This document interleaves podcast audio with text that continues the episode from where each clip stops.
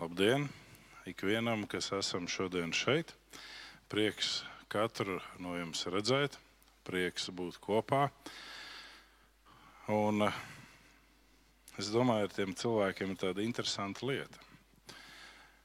Mēs pukstam, pukstam, pukstam, ka nav vasara, taču kurš jau mēnesis un nav vasara.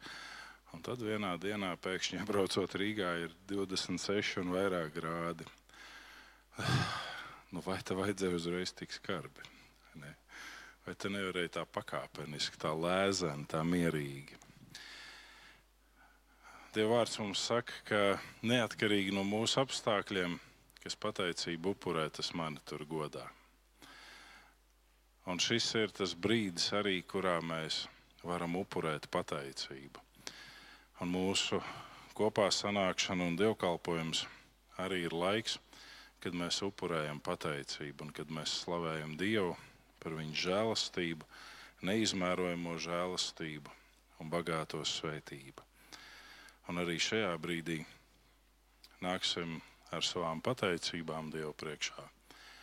Nāksim ar savām lūgšanām, kādu brīdi būsim klusumā, un tad es to visu noslēgšu ar kopīgi teiktu lūgšanu.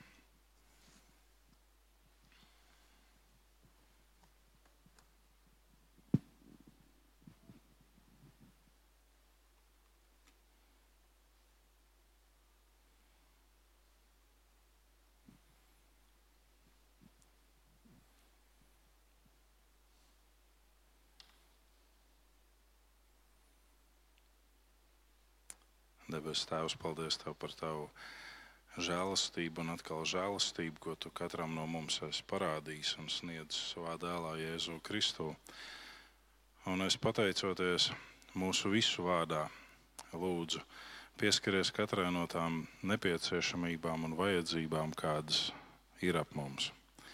Pieskaries gan tiem, kuri cieš vēl joprojām pie miesas, pieskaries tiem, kuri ir gara saistīti. Pieskaries tiem, kuri ir atsvešinājušies šajā pandēmijas laikā, un katru no mums svētī un uzrunā un velc pie sevis. Lai mēs katrs varētu piedzīvot to, ka gara veselības apliecinājums var būt arī miesas veselība ka gara veselības svētība var būt daudziem par augšām celšanos un dzīvību. Lūdzu, darbojies pie katra no mums šodien. Svētī mūsu ikvienu. Āmen.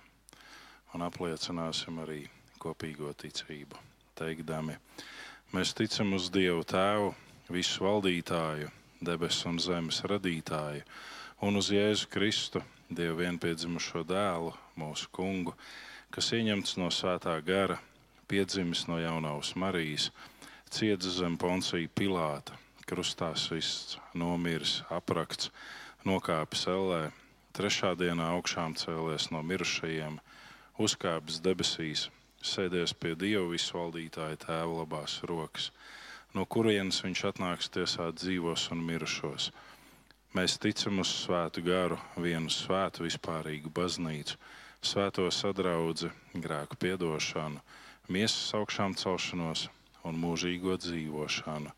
Āmen! Dziedāsim!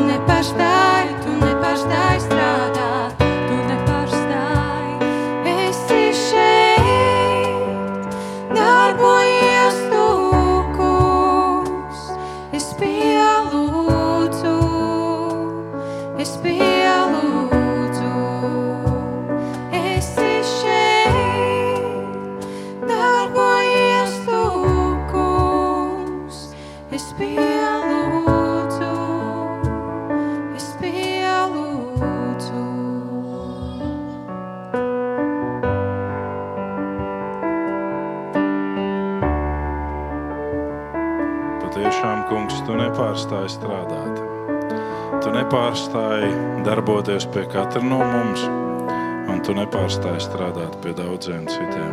Pat ja mēs to nemanām, pat ja mums liekas, ka visa pasaule grimst mega grēkos un atkāpjas no tevis, tu esi tas, kurš nepārstāj strādāt. Paldies Tev par to! Slavēts, augsts teikts un godināts. Amen. Amen. Šajā brīdī vienosimies 32. psalma lasījumā. Lūk, tur ir teikts, Svētīts, kam piedot noziegumi, kura grēki ir nolīdzināti. Svētīts, kam kungs nepielīdzina vainu, kura gars ir bez viltus. Kamēr es neatzinos, nīka mani kauli, es brēcu cauri dienu. Smagi gulās tavu roku pār mani, mans spēks zuda, vasaras tveicēja. Es atzinos savā grēkā un neslēpu savu vainu. Es teicu, ka atzīšos kungam savos noziegumos. Tad tu man piedevi manu grēku vainu, tādēļ, lai tev lūdzu visi uzticīgie posta stundā. Kaut milzu ūdeņu veltos, tie viņš neaizsniegs. Tu mani patvērsi no spaidiem, pasargāsi, glābiņu gavilēm mani apjozīs. Es tev pamācīšu un rādīšu tev ceļu, es došu padomu, man acis ir pār tevi. Nesiet kā zirgi, kā zirgēzeļi kuriem trūks saprašanas, kas ar laužņiem un iemauktiem jāsavalda. Tie tevi neklausīs. ļaundarim sāpju gana, kas paļaujas uz to kungu, to apjožu žēlastību. Priecājieties kungā un līksmojiet taisnē, un gavilējiet visi, kam skaidrs sirds. Sēdieties, lūdzu. Ko mēs redzam šajā psalmā? Es daudz laika neaizskavēšu ar psalmu apcēri, bet pirmais ir augšup un lejup kā šūpolēs. Un, ja mēs skatāmies uz soļu grāmatu, vecajā darbā, mēs redzam, Dievs dod soļi, tauta seko dievam, tauta nožēlo savus grēkus, sāk klāties labi, tauta atkāpjas no dieva. Un tā apmēram tas posms ir tā ik pa 40 gadiem. Tuvāk dievam, prom no dieva, tuvāk dievam, prom no dieva, tuvāk dievam, prom no dieva. Un par to runā arī psalmists. Tad, kad tava roka Dievs smagi guļas uz manis, tad es vairs nevaru izturēt. Un es atzīstos savos grēkos. Es nožēloju tos. Un tad man viss ir kārtībā. Un vēlāk psalmis saka, hei, draugi, nebūsim kā zirgēzeļi. Nebūsim kā zirgi, kuriem vajag laužiņus mutē. Būsim kā dieva līdzības cilvēki kas saņēmuši šo atdošanu, kas saņēmuši šo vienreiz vai otrreiz piedzīvoto dieva rokas smago guļu uz mums. Sekosim dievam, neatkāpsimies vairs no viņa. Un tad mēs sakām, jā, nu, baznīca ir tā vieta, kur atkal un atkal mums visiem masai iekšā jūs esat grēcinieki. Nē, baznīca ir tā vieta, kur atgādina Ja tu esi grēkojis, atzīst to, un Dievs piedos. Un Dieva žēlastība būs pār tevi. Bet tad, kad Dieva žēlastība ir pār mani un Dieva žēlastība ir pār tevi, vai tad mēs atceramies, ka arī citiem ir vajadzīga Dieva žēlastība? Vai tad mums šķiet, ka mēs esam saņēmuši un nu mēs varam zāģēt katru, kurš ir ne pēc mūsu prāta. Vesela virkni jauniešu norāda, ka baznīcā pareizā vieta, kur sēdēt, ir no manis pa labi, no jums pa kreisi. Jo tur ir, ja šis būtu kuģis, tad mēs grimtu. jo tur ir masa. Un tad, nu tā, tā, tā. Mēs mēģinām te noturēt to balansu pretēji kaut kā. Bet uh, Mūsu aicinājums ir būt tuvāk Dievam katru brīdi. Un Dievs apliecina, es tev pamācīšu, es tev rādīšu, es tev došu padomu, man atcer pār tevi. Kāpēc? Tāpēc, ka mēs esam dārgi, katrs indivīds. Un arī tās trīs māsas ir dārgas. Viena trešdien, viena šodien un viena Jāņos. Vai ne? Citā laikā šīs māsas nav. Bet šajos konkrētajos datumos to visu es esmu runājis uz jums, lai jums būtu miers manī. Pasaulē jums ir bēdas, bet turiet drošu prātu. Es pasaulē esmu uzvarējis. Jāņem evanģēlijas 16.33. Un ar šiem vārdiem un ar tādu kartumiņu meiteni, kur ir noslēpusies aiz puķēm. Mēs sveicam Rīta tevi, Agnese tevi un Līlīta arī tevi.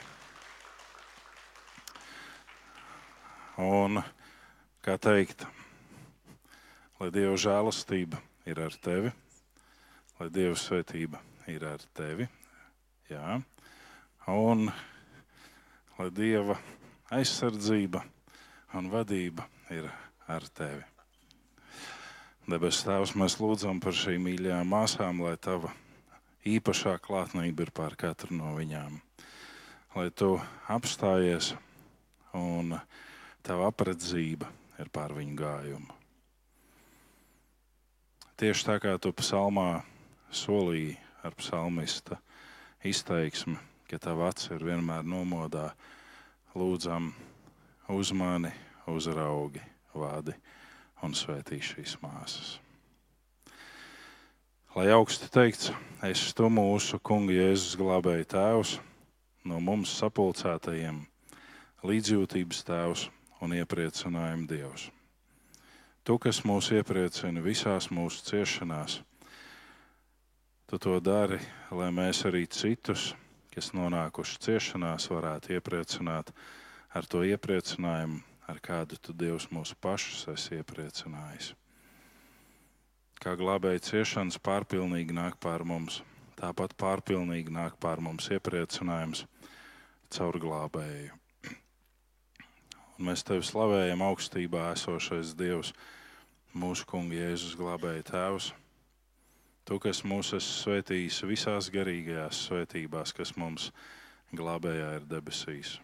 Tu arī izredzēji mūsu glābējā pirms pasaules radīšanas, lai mēs būtu svēti un tavā priekšā nevainojam mīlestībā. Pēc savas gribas labprātības tu jau iepriekš lēmi mūs pieņemt par saviem dēliem un meitām caur glābēju Jēzu, par slavu savas godības pilnai žēlastībai, ar ko tu esi apžēlojies par mums savā mīļotājā.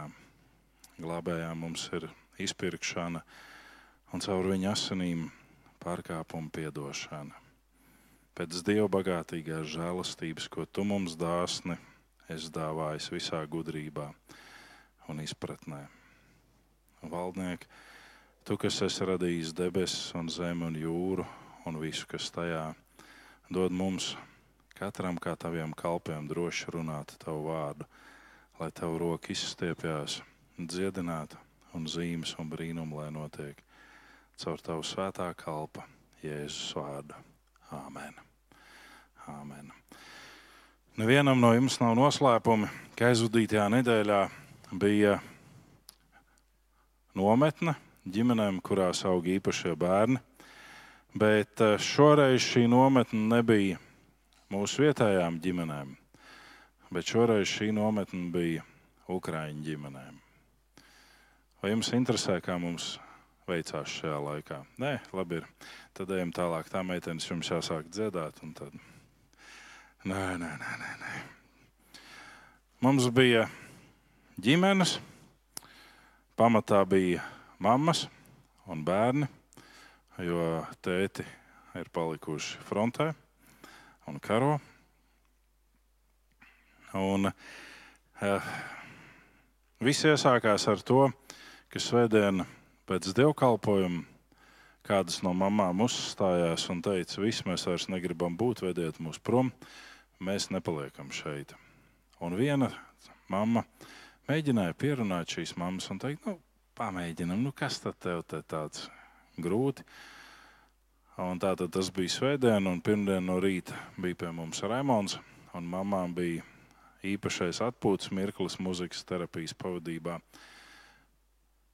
Un tieši tā mamma, kurai bija tās pretenzijas, turpināja savas pretenzijas, un eh, šajā klusuma brīdī, kamēr skanēja mūzika, Raimonda izpildījumā mēģināja ar citām mamām pārspriest, kā labāk izplūkāt uz acis.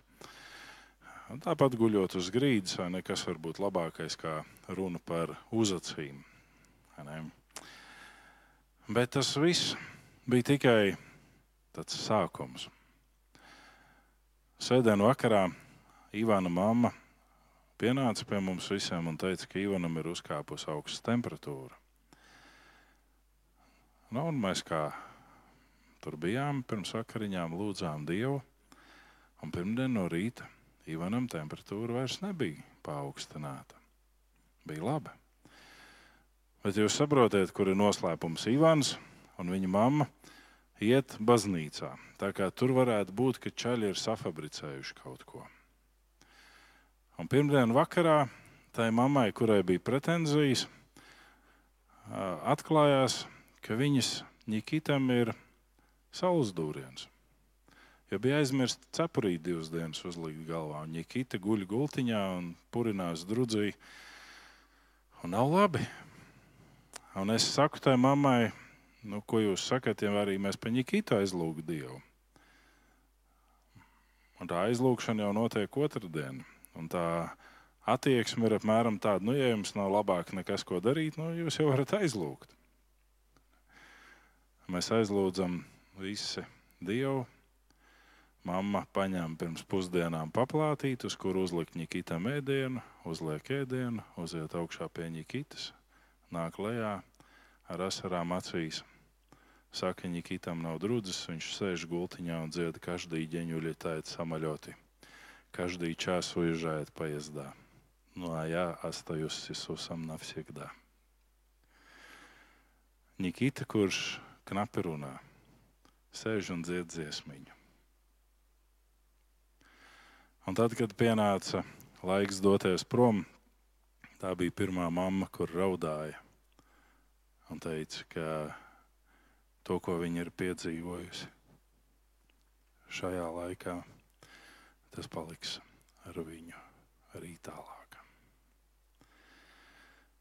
Un katrā no tām ļoti skarbajām situācijām Dieva varenā roka bija ar katru no mums. Tie, kas piedalījāties svētdienā, jūs zinat, diena bija gara un diena bija brīnišķīga. Ar kristību pagrēmdi un visu. Un pirmdien no rīta, pirms brokastīm, īsi pēc eņģeļa lūkšana laika, pienāk mazā mišas mamma, kur ir zaudējusi savu vīru, kurai ir atklāta onkoloģija pašai. Un saka, to, kas man nav svešs, bet man tas vienalga katru reizi kaitina. Jūs zināt, mums tūmā esošās baznīcas atsakās mišu kristīt, vai jūs varētu nokristīt viņu šeit? Es saku, jā, labi, sarunāsim laiku un iespējas. Un, eh, un tā arī tas otrdien notika. Veicām šo svētīšanu. Un eh, katrs no šiem vecākiem devās prom ar savu dievišķu pieskārienu. Paldies par katru lūgšanu, paldies par katru svētību un aizlūgšanu arī tajos brīžos, kad nobruka mūsu plāni, Dieva plāns turpinājās. Mums bija plāns, ka mums būs plus trīs ciemiņi. Mums bija mīnus trīs ciemiņi, lietus laikā spīdēja saule, un vecāki, kas praktiski nekad dzīvē nebija braukuši ar supiem, supoja pa mērsraga kanālu, jeb upi un priecājās par to. Un, eh, un iespējams, ka varbūt arī nevajadzēja tos plus trīs ciemiņus. Tā bija mana ideja, plus trīs. Dievam bija ideja, plus dēļi. Un viss notika. Un turpiniet lūgt.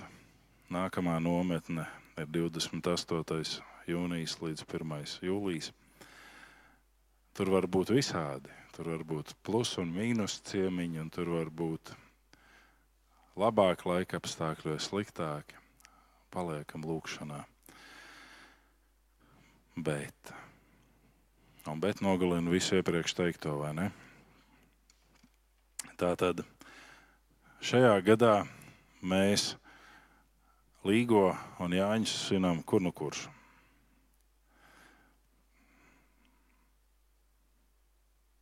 Man vienkārši radās sliktas pārdomas, ka man vajadzēs jūs katru redzēt četras dienas no vietas, tas ir pa daudz.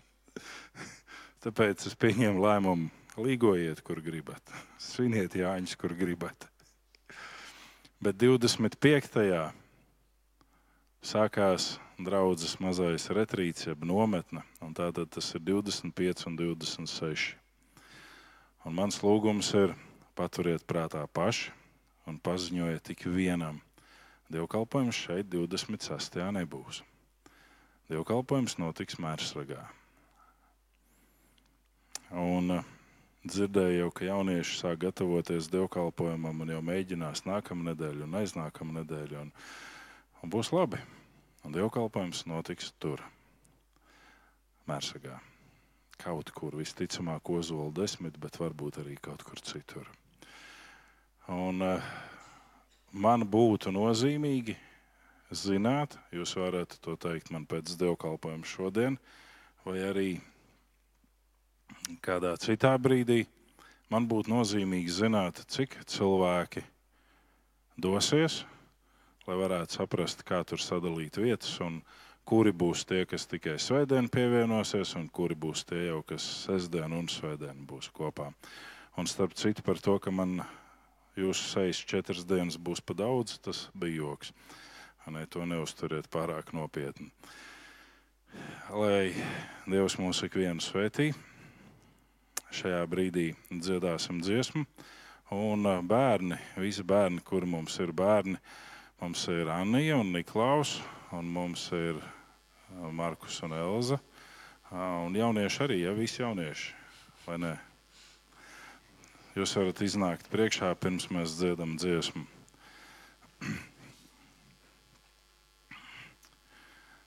Un es esmu dzirdējis vienu nepārliecinošu informāciju, bet ka jums šodien būs noslēgums Svētdienas skolai, noslēgums stundiņa. Un ar vienu acu es tagad neatceros, ar kuru. Es redzēju, ka jums pat tur būs kādi našķi.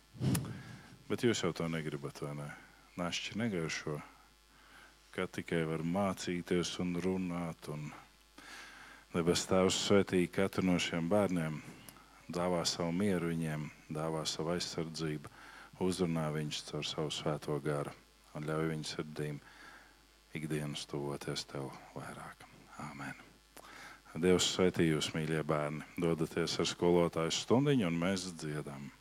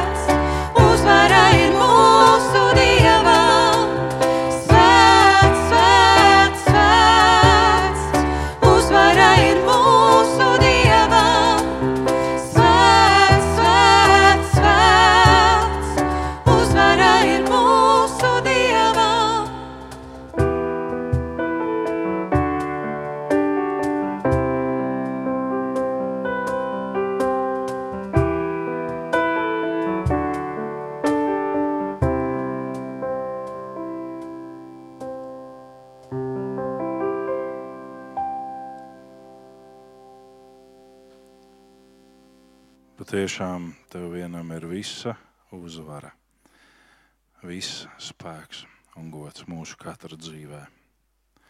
Slavējam tev par to un pateicamies un runāts ar savu vārdu uz katru no mums. Āmen. Āmen. Sēdieties, lūdzu. Un es saprotu, ka tauta jau paliek nervoza un liekas, no kuro reizi no vietas mācītājs var aizmirst. No mācītājiem ir eh, maza melna grāmatiņa, un īstā brīdī viņš to izvelk. Un eh, šī ir tā reize, kurā atkal es atkārtoju, divreiz jau es esmu to ziņojis. Šī būs trešā reize. Likuma kārtā viss ir izpildīts. 9. jūlijas ir diena, kas ir jāatzīmē ar ļoti īpašu krāsu. Un šī krāsa pamato jūsu atmiņu uz īpašām aizlūgšanām. Lai jūs varētu lūgt mājās Dievu, lai jūs varētu svētīt, jo šajā dienā vienā no Latvijas vis tālākajiem nostūriem savu jāvārdu viens otram teiks Raimons un Sindija. Un mēs slavējam Dievu par to, ka viņi ir sastapuši viens otru. Mēs slavējam Dievu par to, ka mēs varam būt kā draudzene, kas atbalsta viņu šajā ceļā. Un, ziniet, tā puiša parastā pieredze ir, ka puisis ir ļoti rūpīgs ap meiteni pirms laulībām. Un tad, kad viņš ir tapis apgradzenots kā tāds balodis, tad tā meitene paliek kaut kur novārtā. Un tieši tāpatās mēdz būt ar draugu. Draudze tur čubinās un runā kaut kur pa stūriem un domā, kādu pārsteigumu taisīt jaunajiem, vai varbūt pa kluso līgaus mašīnu pārkrāsot, vai vēl kaut ko izdarīt. Un tad, kad tas viss ir pagājis, ah, bija kaut kas. Mūsu rūpes turpinās, mūsu rūpes nekad nebeidzās. Mūsu aizstāvība nekad nepaliek mazāka.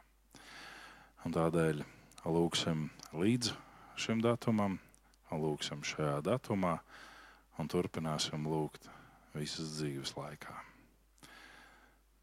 Raimons un Sindija taps salauzti, vai viņi to grib vai nē. Vienalga, es tur būšu un viss notiks. un arī šodien pēc dievkalpojuma jūs varat viņus sveikt. Viņiem ir jāievēro standarta baznīcas likums līdz kāzām 70 cm distance. Lai Dievs viņus svētī. Mēs esam runājuši daudz un dažādus aspektus par vīrieti un sievieti un ģimeni. Un kā jau es jums solīju, es neturpināšu šobrīd šo tēmu. Bet pagājušajā piekdienā man bija jārunā divos izlaidumos.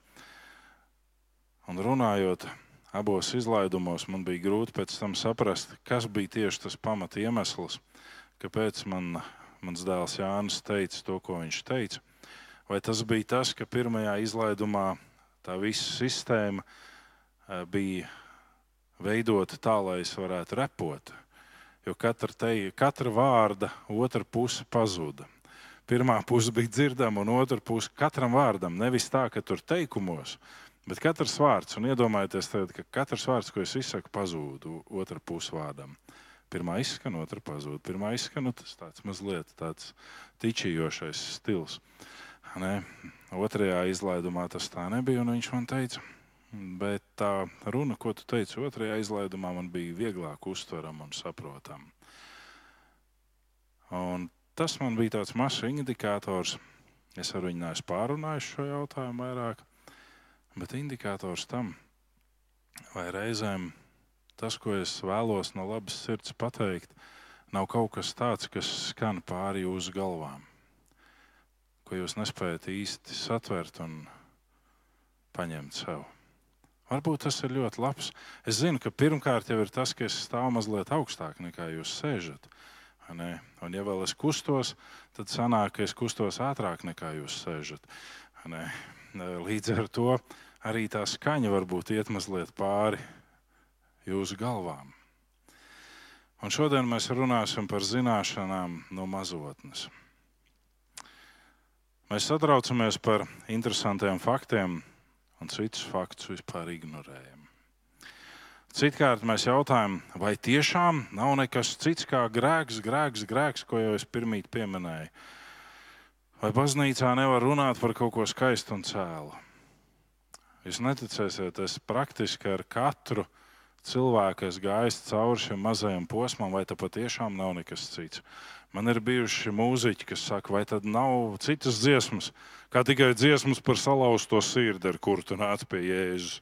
Nu, paskatāmies uz kādu citu spēju, nu, nu viņš var kaut ko citu arī. Nu, ne jau salauzt, bet nākt priecīgi prātu. Un uh, cilvēki, ar kuriem es esmu kādreiz pārunājis, runā to vārdu, saka, nu jā, nu, bet vai nav tā, ka caur šīm runām tā kā draudz iedzen tādā mazvērtībā un neizpratnē, nu, tad jau nekas nav labs, ko mēs darām. Mēs ignorējam faktu, kas apliecina, atzīst patiesību, un patiesība tev darīs brīvu. Nē. Man kā uģim ir jāatzīst fakts, kur es esmu kļūdījies, kur es esmu darījis nepareizi, kur es esmu rīkojies ne tā, kā vajag. Un šī atzīšana notiek trīs pakāpēs - dievam, sev un kādam no apkārtējiem. Vai nu pret kuru vai ar kuru es esmu bijis tajā brīdī kopā. Un tad šī patiesība man dara brīvu. Un iespējams tas apkārtējais nav neviens no tiem, ar kuriem es esmu bijis kopā, bet kāda persona, kurai es uzteču šo savu grēku nastu. Citkārt notiek satraukumi, ka kāds var atļauties norādīt uz sevi kā paraugu un piemēru. Esot reizēm sarunās ar cilvēkiem, par manu ikdienu, viņi saka, ka to būtu nozīmīgi darīt zinām citiem, taču reizēm esmu to paturējis pie sevis. Un tieši tā iemesla dēļ, ka patiesi to pateikt, kāds varētu teikt, nu vai tikai tu nelielies. Nu, īsti jau laikam nebūtu pamats lielīties, bet arī no otras puses varbūt būtu pamats lielīties. Jo tad, kad ar vienu vai citu cilvēku ir bijusi saruna par manu ikdienu, viņi saka, tu, kā tu to visu paspēji, kā tu to visu vari. Nedomājiet, ka tad, kad es atklāju kādu savu ikdienas soli, esmu baigi lielos. Un arī ne tad, kad tu saki citam dievbijam, dzenies man pakaļ tā, kā es dzenos pakaļ Jēzumam. mēs kaut kā mēģinām noairēt to situāciju un pateikt, nē, nē, uz mani neskaties, skaties uz Jēzu. Bet cilvēkiem vienīgā Jēzus figūra ir vai nu šī kaut kāda forma izgrieztā krustā, vai kāds ļoti samocīts tēls starp divām svecītēm. Un tās ir vienīgās Jēzus figūras kas viņiem eksistē. Apostols Pāvils nesaka, skaties uz Jēzu.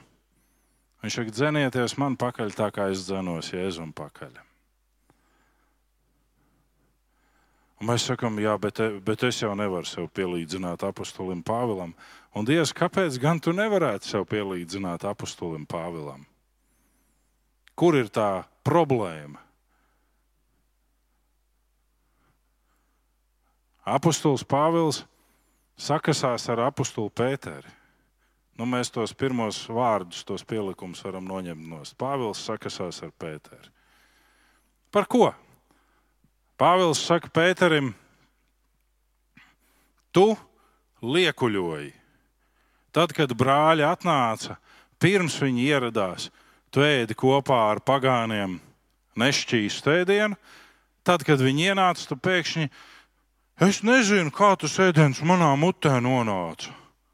Pats ielīd no šķīvi. Un līdz ar tevi liekuļoja arī tie brāļi, kas bija ar tevi kopā. Nu, Pēterim, protams, ka grauž sirdi šitāds aizrādījums. Viņš saka, tu saki tādas lietas, ko nemācīties sagroza. Tu pārāk filozofē. Kāpēc mēs nevarētu sev pielīdzināt Pēterim vai Pāvilam? Tāpēc, ka mums šķiet, ka tie čaļi levitē.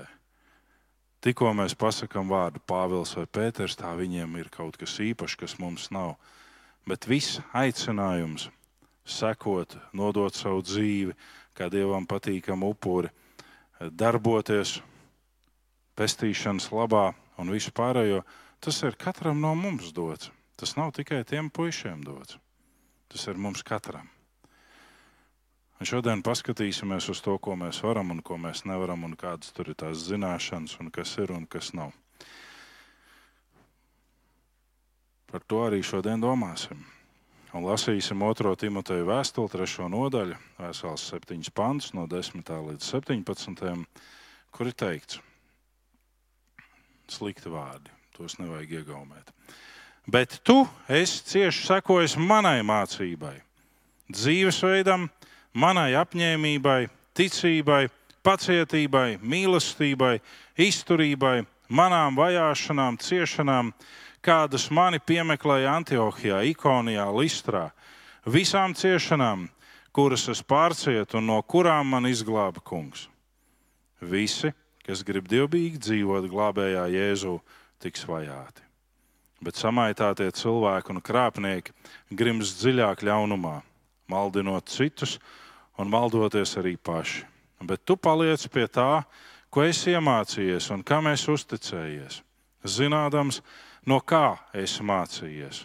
Tu jau no agras bērnības pazīsti svētos rakstus, tie dod tev gudrību, lai tu nonāktu pie pestīšanas caur ticību Kristum Jēzum.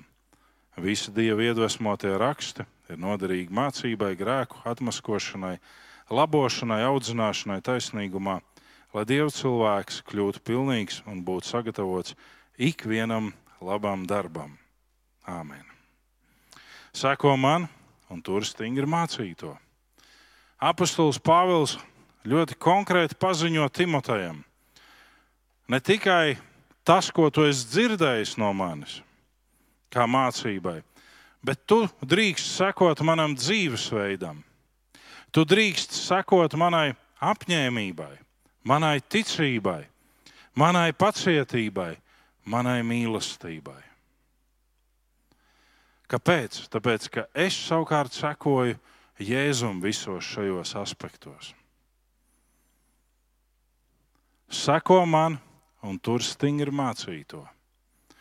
Un vēlāk apustulis Pāvils turpinot, saka, viņš saka, un tad tu tā stingri, stingri turies pie tā. Lai arī kas notiktu, stingri turies pie tā. Un tajā brīdī, kad mēs atcaucamies uz tiem dieva kalpotājiem, kuri vairs nav starp mums, un mēs sakām, jā, ja būtu viņu laiki, un ja viņi darbotos, un ja notiktu tas, kas notika toreiz, kādas lietas notiktu, un kas tikai nebija, tad mēs esam līdzīgi burkāniem. Labākais ir zem zemes. Ārā ir tikai laksti. Ne? Un apustulis Pāvils šeit runā par dzīvu liecību. Un dzīva liecība staigā uz divām kājām. Un dzīva liecība atrodas starp mums. Un mēs reizēm atnākot uz baznīcu, sakam, mācītājs runā atkal vienu un to pašu, vai tad patiešām nevar neko citu. Vieni un tie paši piemēri. Un tad Mācītājs netiek galā ar frustrācijām, ka ir pa 15 cilvēkiem vairāk kā parasti, un tad viņš uzvelkās, un tad viņš paceļ balss toni, un nu jau ir pāri 96 decibeliem. Un nu jau viņš vairāk nevis tā kā bormašīna, bet nu jau kā zāles pļāvējs iet pa baznīcu. Nē, nē, nē, nē es, es, es neiešu tur. Nē. Patiešām, kā notiks šī sekošana? Pandēmijas laiks mums rādīja, ka ir iespēja dažas lietas darīt attālināti. Un kamēr mēs darījām savus darbus attālināti, un man jaunieši mācības, un es gan mācības, gan darbus.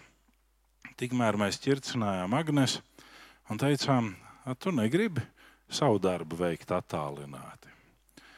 Piemēram, uzstādīt zoom kameru un mazu skaļrunīti kabinetā, laboratorijas. Un katrs pacients, kurš ienāk, pastāstīt, paskaidrot, kā viņš var uzlikt žņaugu sev, pats noņemt asins analīzes, kurā stobriņā kuras analīzes ir jāievieto. Pēc tam viņš var nolaist bikses un rektāli paņemt uztriepes vai ne. Un vispār un to visu mierīgi tā paskaidrot. Ne? Protams, ka mēs ķiķinājam par to, jo to nav iespējams izdarīt attālināti. Un, ja kādam no jums pandēmijas laikā būtu iekaisis apendicīts, es šaubos, ka ātrā palīdzība teiktu, nu, guliet mājās, mēs jums uzliksim visas kameras, aizvadīsim skalpeļus un visas dezinfekcijas līdzekļus, un doktors jums pateiks, kā veikt operāciju mājās. Ne? Tas nav iespējams. Un tad, kad mēs runājam par šo sekošanu Jēzumam, un sekošanu tiem piemēriem, kurus Dievs mums ir devis mūsu dzīvē, to nav iespējams veikt distancēti. To ir iespējams veikt tad, kad mēs esam kopā viens ar otru. To ir iespējams veikt tad, kad mēs redzam to maizi, ko tas cilvēks, kuram mēs sekojam, ēda. Un tad, kad mēs redzam viņa dzīves situācijas, dažādas un viņa attieksmi. Pirmdienas dienā nometnē nāca viens no pirmajiem uzbrukumiem, un šajā reizē šie uzbrukumi bija pamatā vērsti pret komandu.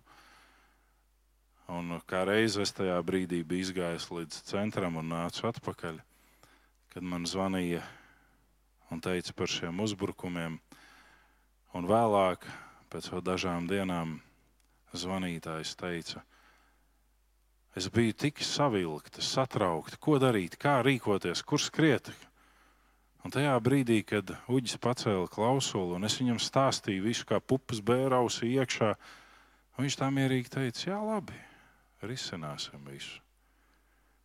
Man ienāca tāds miers. Tad, kad tu esi reālajā ikdienā. Vai tu esi miera nesējis, vai tu esi panikas cēlājs? Vai tas brīdis, kad tev vajag ar tiem kolēģiem parunāt, ir tāpēc, ka tev vienkārši mēlī neturās aiz zobiem un visu laiku viņi kulstās pa mutu, un tad labāk ir laist to visu ārā. Jo niez uz mēles tās mazās kārpiņas, ja neēd un nejūt garšu, tad viņas niez un nevar jau visu laiku tā. Tā būs nesmuki. Nu, tad labāk trīt to mēli. Ne? Vai tas, kāpēc tu gribi runāt ar cilvēkiem, kas tev līdzās, ir, lai tu aiznestu viņiem mieru. Bet tu vari aiznest tikai to mieru, ko tu pats esi saņēmis, un tu vari saņemt tad, kad tu tuvojies avotam ir force majeure apstākļi, kuros tu vari tuvoties avotam, arī attālināt, bet tas ir force majeure. Tā nav katra ikdiena. Žāns cītīgi apmeklēja savus dominikāņu draugus dievkalpojumus.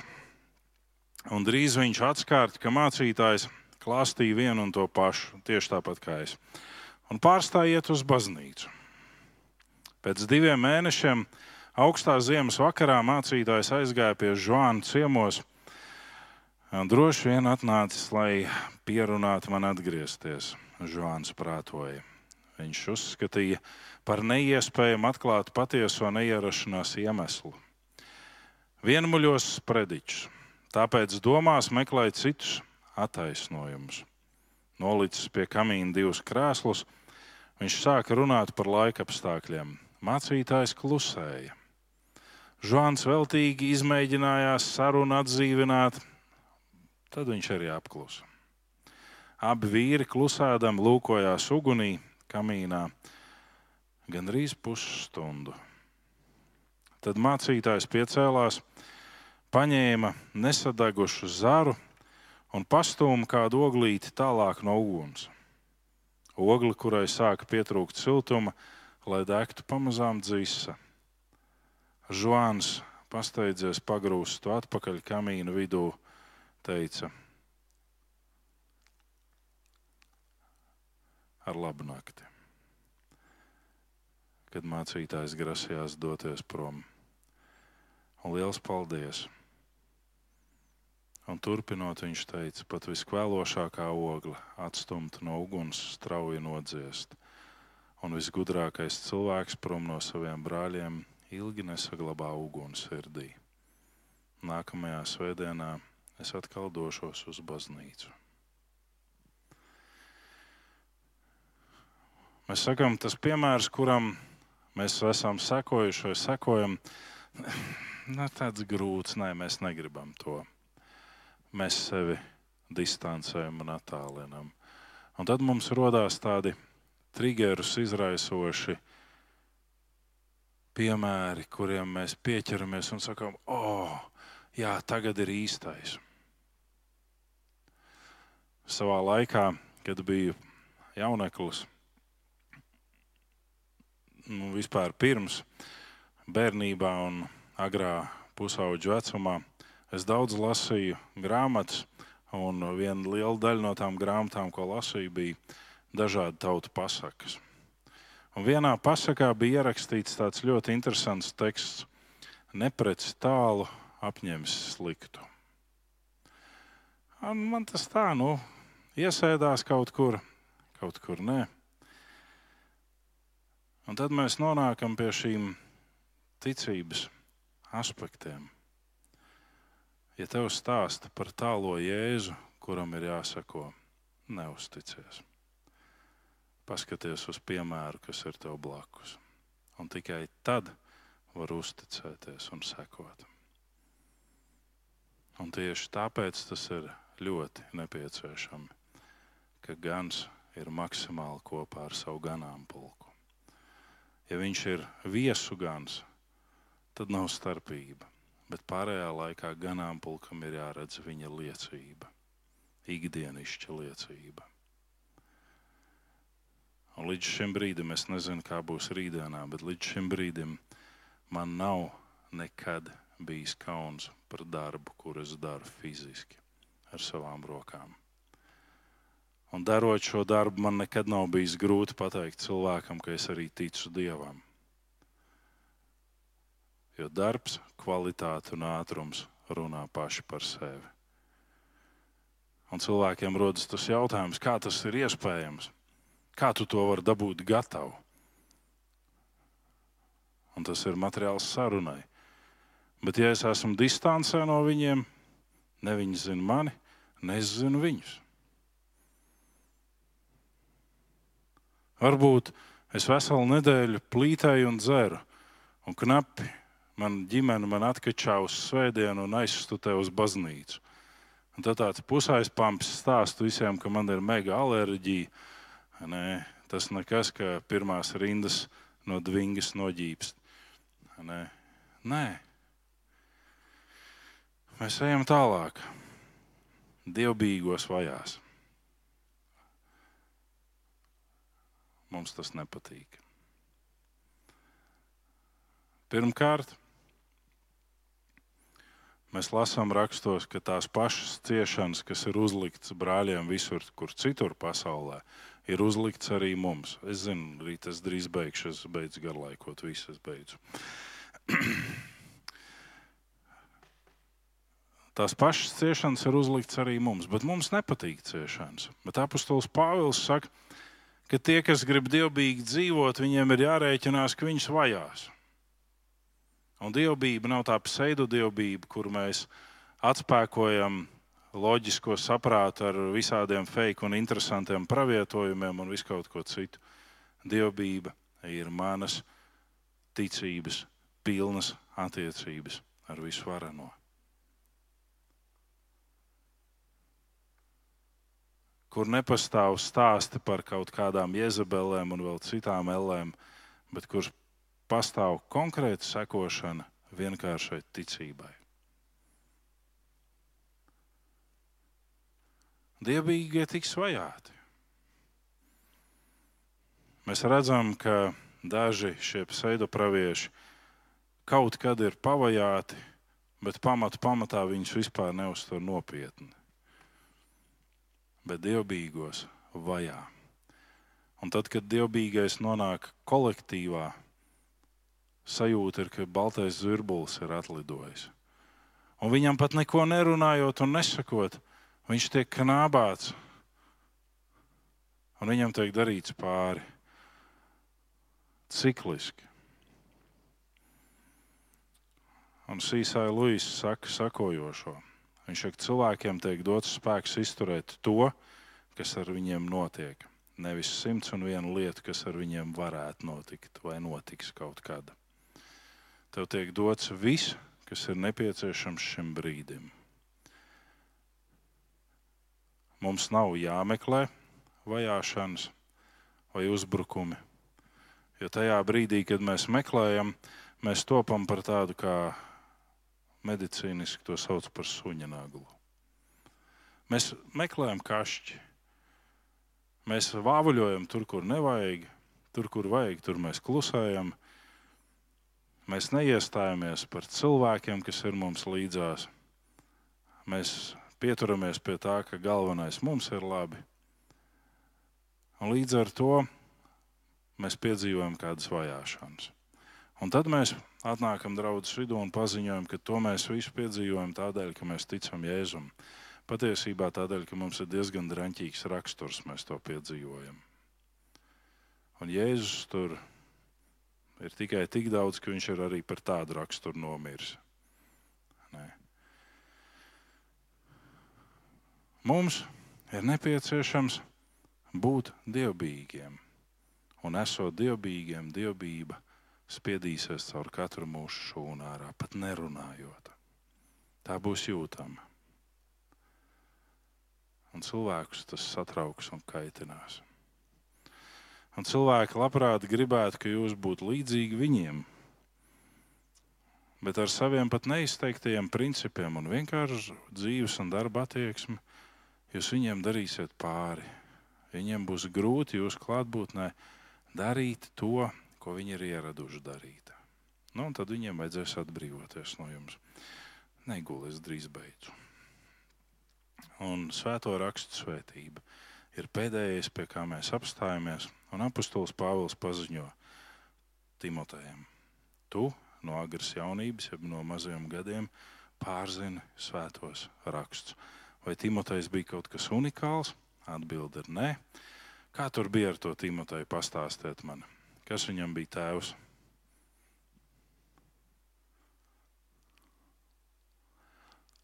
Kas Timotejam bija tēvs? Nu, es mēģinu atsvaidzināt jūs, lai jūs neaizmigtu pavisam, kas viņam bija tēvs. Ja nemaldos, Timoteja tēvs bija glieķis, vai ne? Un māte bija ebahējieta. Pareizi es atceros, vai ne? Un ja Timoteja tēvs bija grieķis, tad viņš varēja stāstīt stāstus par Zevu, Odiseju, Hadesu un visiem pārējiem? Bet no kurienes tad Timotejs zināja svētos rakstus? No kurienes katrs tas ebreju zēns līdz 12 gadu vecumam zināja svētos rakstus? Kāpēc Marija satraucās, atrodot Jēzus templī starp raksturmācītājiem, debatējot par svētajiem rakstiem? Mēs sakām, Austrum zemēs sievietes bija nostumtas zem gultas un zem galda, lai tik klusē un ir prom. Un atbildi ir nē. Tas bija sievietes uzdevums bērnus ievadīt Toras zināšanās. Sieviete pat pārzināja Toru. Sieviete nodeva to tālāk bērnam. Bērns pārzināja Toru, Talmudu, Midrāšu Un bērnam nebija jautājumu, patiešām ir tā, vai varbūt ir tā. Jo mamma un ome viņas bija ievadījusi tajās zināšanās. Līdz ar to arī meitenēm pašām bija priekšstati par to, kas ir rakstīts svētajos rakstos. Un Marijas satraukums ir par to, vai, vai Jēzus patiešām ir pietiekami gatavs un kāpēc tu mums to esi darījis, dēls. Vēl nav pienācis īstais laiks. Un Jēzus atbild 12 gadu vecumā ir diezgan pārdrošs priekš maz jauneklīša. Viņš saka, par ko jūs satraucaties? Vai jūs nezināt, ka man jādarbojas man tēvlietās? Nē. Mēs pabeidzam augstskolas mēs iegūstam zinātniskos grādus, un mēs pārzinām labi, ja tikai nedaudz no rietumu tradīcijas. Un tad man patīk tie frīki, kuri man paziņo, jūs tur visi baznīcā esat tādi augsti izglītoti. Man nevajag izglītību. Man svētais gars saka, lai es te sēžu un vienkārši klausos svētajā garā. Es kuram ir atlicis gads līdz doktora disertācijas aizstāvēšanai. Uzskatu, ka es zinu vismaz 90% mazāk kā viens zēns ebreju kultūrā līdz 12 gadu vecumam.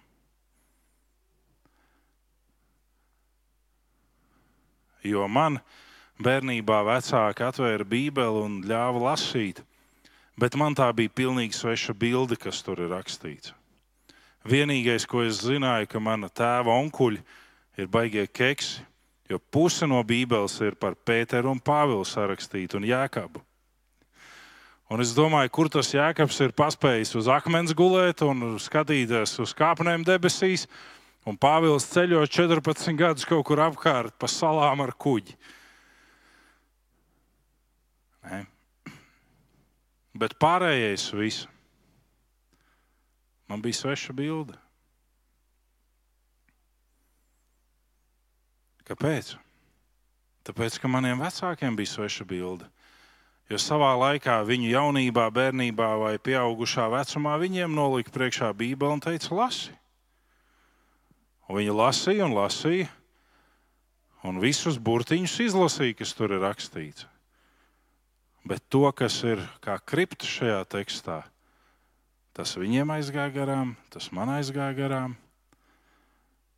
Un tas, ko rietumu kultūra ir pieņēmusi, tā kā mēs nevaram izprast to seno, tad mēs uztaisīsim jaunu un savu. Un tas ir tāds, nu,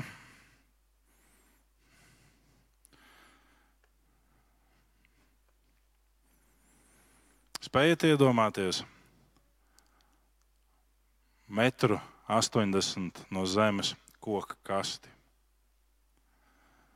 ar plastikāta aizdaru uz jumta vienā pusē. Es saprotu, ka man nav bildes, ko jums parādīt. Un, ja jūs esat redzējuši kādreiz trīsritenītes pārīti, iedomājieties tos pārītes ritenīšus, četrus tādus kastajā apakšā un durtiņas uz parastajām eņģēm. Tā kaste ir no koka, no dēlīšiem būvēta. Tai kastei priekšā ir šnorīte. Un tā kaste ir apmēram 2 metri gara un 50 cm plata.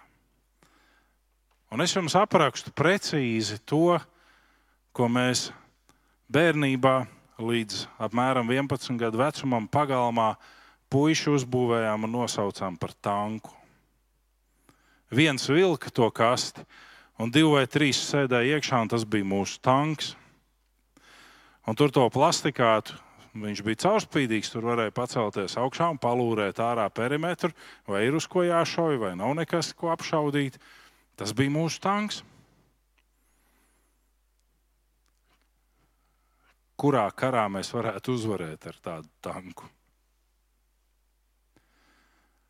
Ziniet, kam tas tanks līdzinās? Es ceru, jūs visi esat redzējuši, ja ne senākus, tad vismaz Ukraiņas karā izmantotos tankus. Šis tanks līdzinās rietumu baznīcas uzstādījumiem par kriptu, kas ir vecajā derībā. Tas ir nekas. Tur pat nevajag lodes. Tur vajag niknāktu virsnieku skatu uz to tanku, un tas tanks izjūgs pa naglām. Ne tur vajag lodes, ne tur vajag sprāgstvils, neko. Tas nav nekas. Un šeit apustulis Pāvils saka ļoti skaidri, viņš saka, no mazām dienām tu zini svētos rakstus.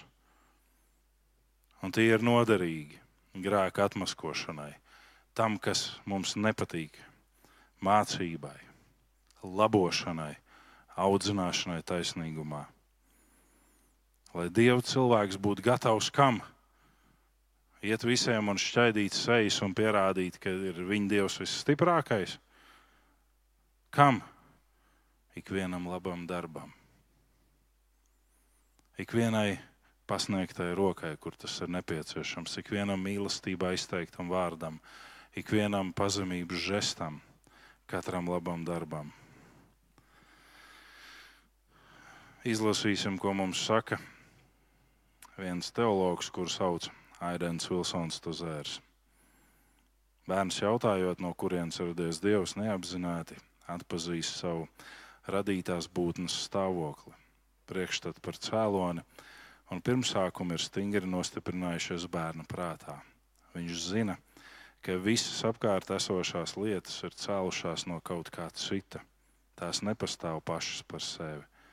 Un tāpēc mazais domātājs attiecina šo priekšstatu arī uz Dievu.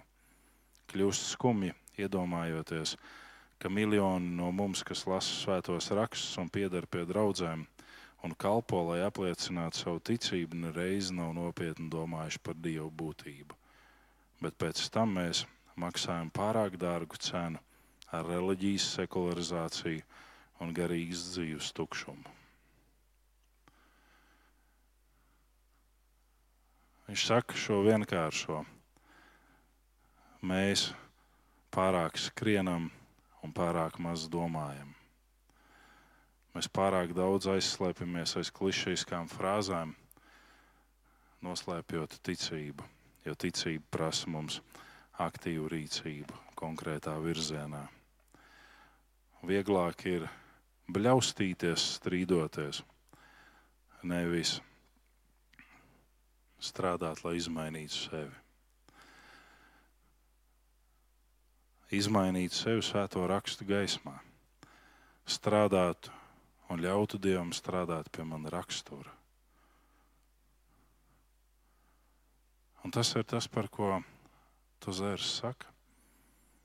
Šeit pēc tam mēs maksājam pārāk dārgu cenu. Jo viss, kas mums ir bijis dārgs, tiek paziņots, ka tas vairs nav aktuāls šodien, un tam nav nekāds spēks. Lai Dievs mūs ikvienu svētī, paldies, ka neaizmigāt, dziedāsim noslēgumu dziesmu, un tad svētīsim viens otru.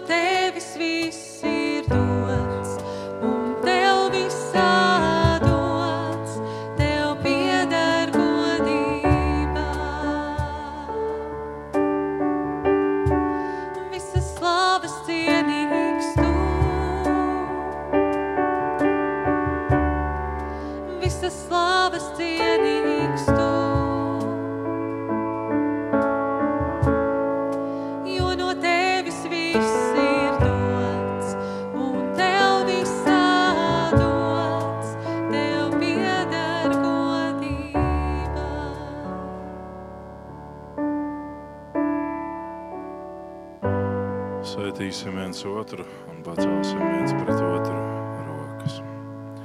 Kungs tevi svētī un tevi pasargā. Kungs apgaismo savu aigu pār tevi un ir tev žēlīgs. Kungs uzlūko tevi ar lapatiku un dod tev savu mieru. Āmen. Āmen. Silti un mīļi sveiciet viens otru